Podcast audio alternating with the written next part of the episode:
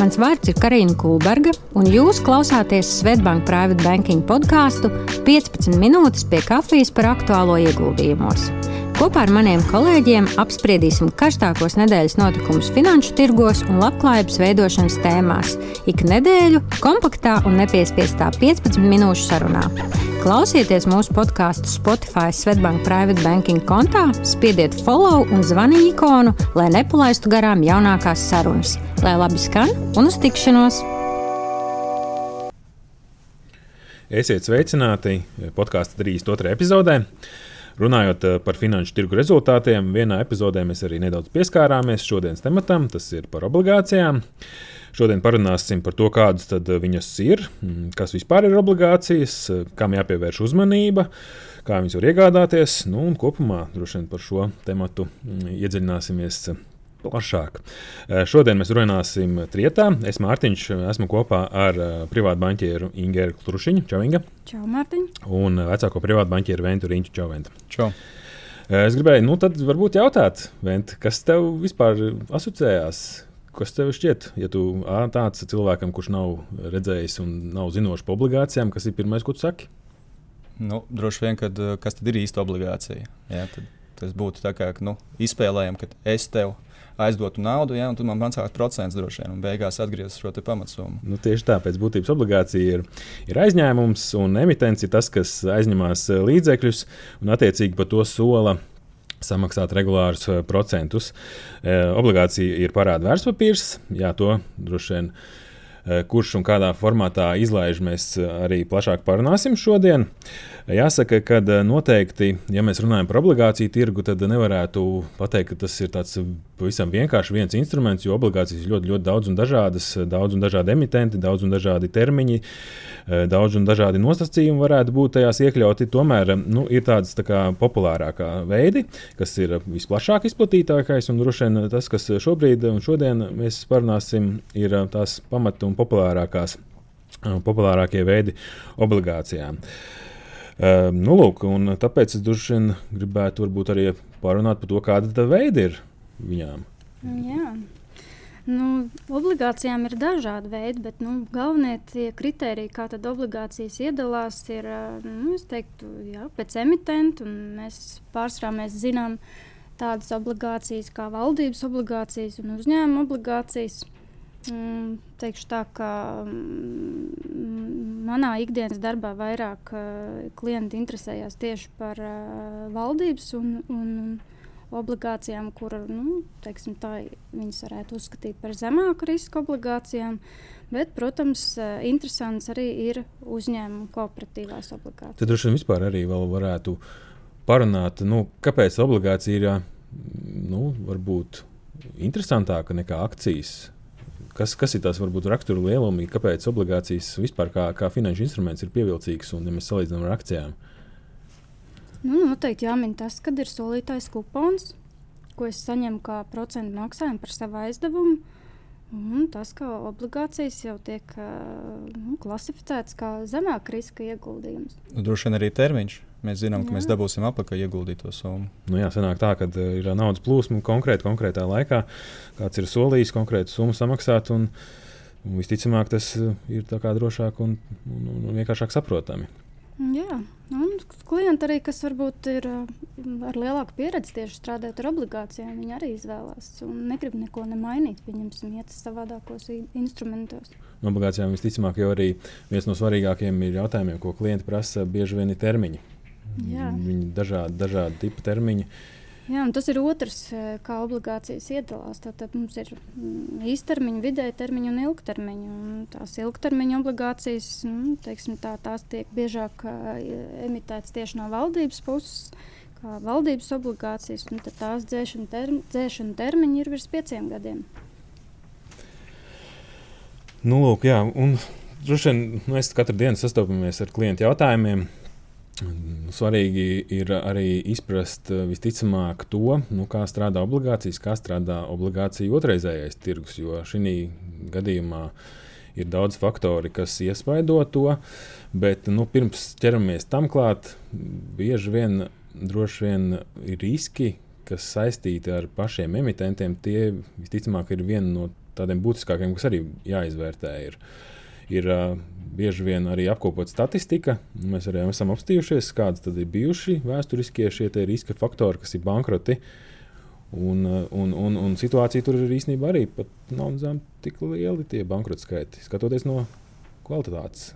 Nu jā, tā, tā sanāk, ka nu, teiksim, ja tur pārējos riskus kaut kā vēl ir iespējams vadīt, šo emitentu, jeb maksāt nespējas, jeb saistību neizpildes uh, risku ir visgrūtāk. Uh, pārvaldīt. Un, tiešām tādām kvalitatīvām investīciju reitingu obligācijām šos defaultus risks ir ļoti zems patiesībā. Un, ja mēs skatāmies vienu no reitinga aģentūrām, kas regulāri apkopo šādus datus, standarta pūrs, tad tādā īsā termiņā, jau vienā gada griezumā, šī investīcija reitinga obligācijām, kas ir no 3A līdz 3B, Tad eh, tādā gada griezumā tas risks ir nu, faktiski teikt, tuvu nulē. Varbūt vien tur nedaudz ieskatīt nu, cilvēcīgā valodā, kas tie A burti un B burti ir. No vienas puses tā tabulas ir, ir redzētas bieži vien daudz un dažādas, bet nu, lai varbūt vienkārši izjūt līmenī. Uh, Kas jā, nu. varbūt tāds precīzāks, cilvēcīgākā valodā? A, A, A tā kā trīs burti A, saprotu. Ne? Jā, trīs A. Nu, tas ir drošākais, jā, nu, tas ir augstākais vērtējums, ko šī reitinga aģentūra var iedot obligācijai. Nu, iedomājamies Vācija, ASV. Nu, tas tāds, nu, teiksim, tiešām ir drošs, kur viņi nesaskata defaulta iespēju. Nu, tad tā skala var iet, tie burbuļu skaits tur mainās, parādās plusi un mīnusi, bet tas viss aiziet līdz C nu, kas principā jau nozīmē, var teikt, gandrīz jau uz bankrota default robežas esošu uzņēmumu. Un tas, tas, tas, tas, tas investīciju, tas, daļa tieši ir tās investīciju reitings, ir, kā jau minēju, no 3A līdz 3B, kur šie te, tieši šīs default iespējas ir ļoti zemas. Un arī, citu, skatījos vidējā termiņā, kas ir teiksim, piecu gadu griezumā summāri, joprojām šie te, mm, saistību neizpildes gadījumi ir zem 1%.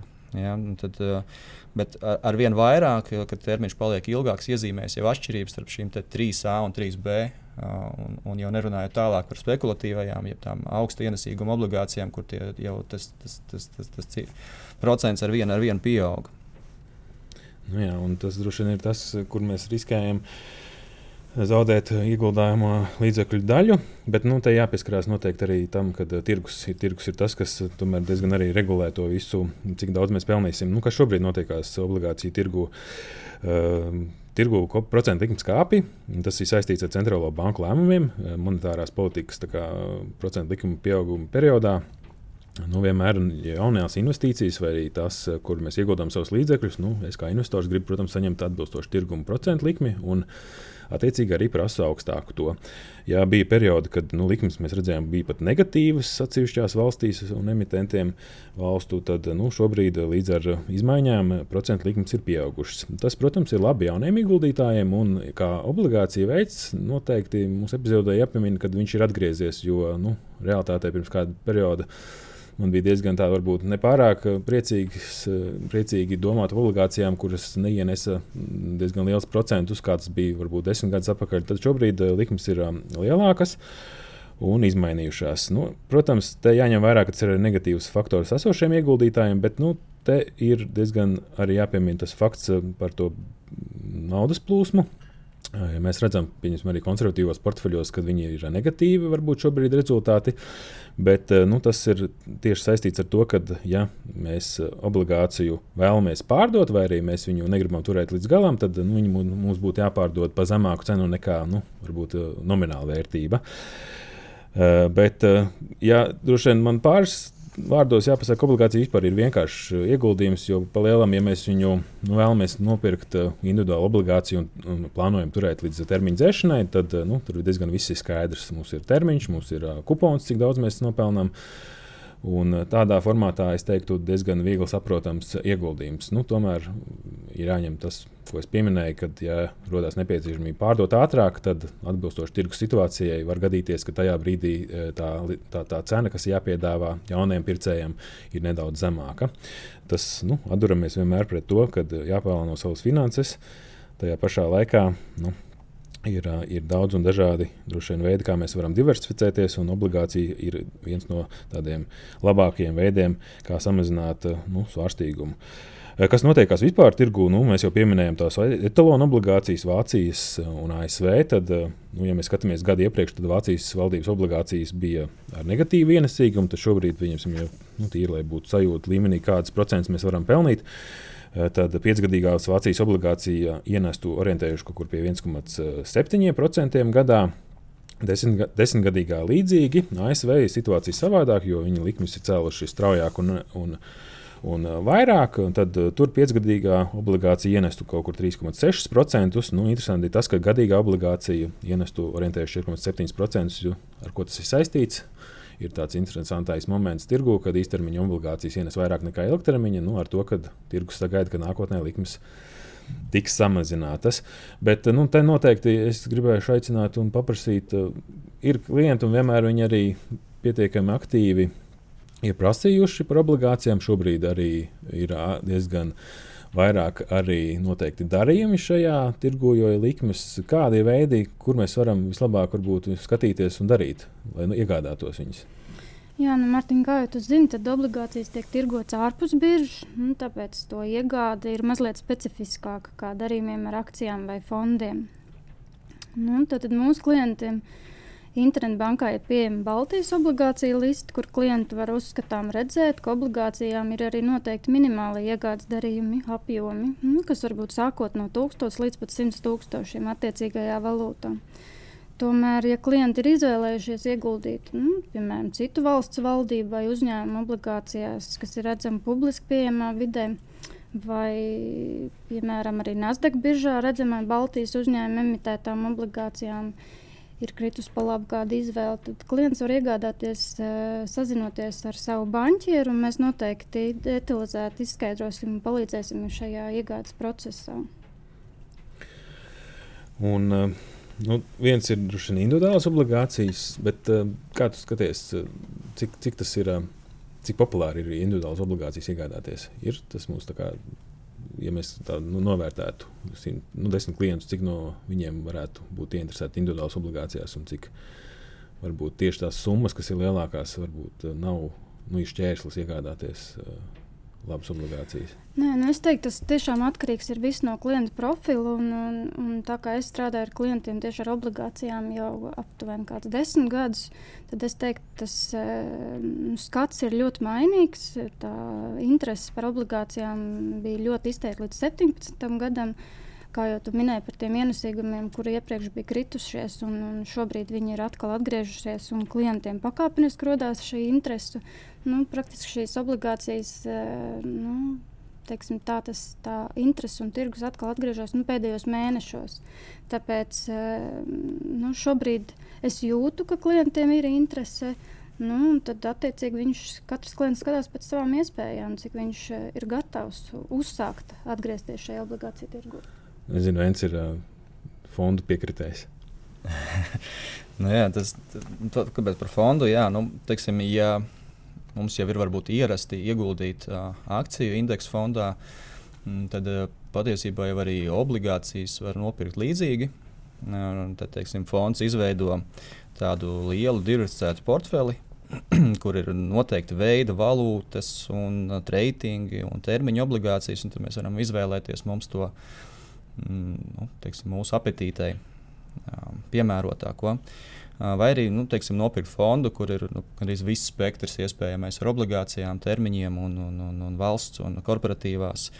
Un papildus, teiksim, ja mums ir svarīga arī naudas plūsma, tad mēs varam izvēlēties fondu, kurš izmaksā dividendus. Nu, arī gluži otrādi, teiksim, atstāt šīs te dividendus un to saņemtos kuponus fondā, tad, nu, tad tur tiek pelnīti papildus procenti. Un, um, nu, tas ir arī nu, teiksim, tīri ērti tādēļ, ka man nav jāizvērtē konkrētais emitents. Otrkārt, var ieguldīt mazāku summu. Ja man šī tīkla jau minēja, ka tās summas tur var būt pat um, 100 tūkstoši un vairāk. Mm. Viena darījuma summa, ja, ko, kas ir atļauta kādai obligācijai. Un šeit var ieguldīt nelielu summu. Un tā izvēle pasaulē ir uh, ļoti plaša, sākot ar uh, biržā tirgotiem fondiem, jeb ETF, un nu, arī tiem saucam, teikt, sauksim par klasiskiem ieguldījumu fondiem. Un, nu, patiesībā tas, ko liekas, es esmu novērojis, ja mēs skatāmies tādus fondus, kas iegulda līdzīga reitinga, līdzīga termiņa un veida obligācijās, tad ienesīgumi un tie nu, sagaidām ienesīgumi būs ļoti līdzīgi. Un šāds fonds arī nu, Svetbanka palīdzību mierīgi var iegādāties. Um, un nevar arī nepieminēt, ka mums ir uh, no Svetbanka robotu puses divi obligāciju fondi. Patiesībā trīs, bet nu, divi varbūt ir tādi, kas ir um, vairāk uz tādu ilgtermiņa skatījumu. Tie ir uh, fondi, kas iegulda Eiropas uzņēmumu emitētās korporatīvās obligācijās. Uh, tad viens iegulda šajās investīciju reitinga mm, obligācijās ar piecu gadu termiņu. Un, uh, lai saprastu aptuveno mm, ienesīgumu šādam uh, fondam, tad tur ir mm, uz novembra beigām Mm, bija publicēts fonda mājaslapā, ka tie ir 4,3, gandrīz 4,4% un durācija tur ir 4,7 gadi. Savukārt otrs fonds, kas jau ir augstienesīguma, jeb nu, tā saucamais high yield fonds, kas iegulda korporatīvās obligācijās uz trīs gadiem, tad šeit jau mēs varam runāt par 7%. Ar, ar termiņu, jeb durāciju 3,2, 3,3 gadi. Bet nu, te, te atkal atgriežamies pie tiem reitingiem, defaultiem, ja, kad ir jāņem vērā, ka eh, nu, tādā ilgākā laikā kāds no tiem uzņēmumiem var arī beigt pastāvēt. Un tad, eh, nu, tad, tad šis faktiskais ienesīgums galu galā varētu būt nedaudz, nedaudz zemāks. Ja, nu, protams, katra iegul, katrs ieguldījums jāizvērtē pietiekami skrupulozi.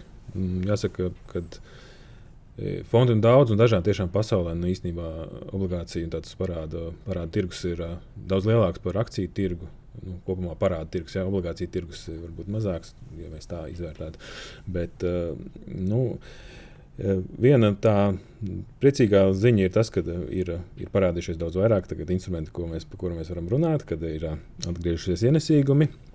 Tas, ka jebkurā gadījumā vēršamies pie saviem konsultantiem, ja ir kaut kādi jautājumi šajā sakarā. Uh, Es saprotu, ka daudz arī nu, bieži vien salīdzina ar inflāciju. Inflācija, protams, ir ļoti liela šobrīd šajos apstākļos, bet tajā pašā laikā arī atceramies, ka obligācijas ir uh, uz uh, iegādājums uz daudziem gadiem, kad katru gadu viņas uh, nes šo ienesīgumu un tādā formātā nu, ilgtermiņā noteikti tas ieguldījums ir kompensējošs, mazinošs inflācijas efektu un arī nu, kaut kādās brīžos arī viņš ir noteikti pārsniegs eh, tās inflācijas eh, rādītājs. Nu, varbūt ne šos, kas ir šobrīd, bet, eh, bet skatoties garākā termiņā, tā tam vajadzētu arī būt pāris gados. Lūk, teikšu paldies Inga un Vent. Jā, paldies. Un tiekamies nākamās epizodēs. Uz redzēšanos. Audio saturā dzirdētā informācija nav uzskatāms par ieguldījumu konsultāciju vai ieteikumu slēgt finanšu tirgus darījumus vai ieguldīt finanšu instrumentos. Paldies, ka noklausījāties mūsu sarunu šodien. Atgādinu, ka, lai nenokavētu jaunākās epizodes, spiediet follow un zvaniņu ikonu Spotify kontā Svetbank Private Banking, lai laba diena un uz drīzu tikšanos!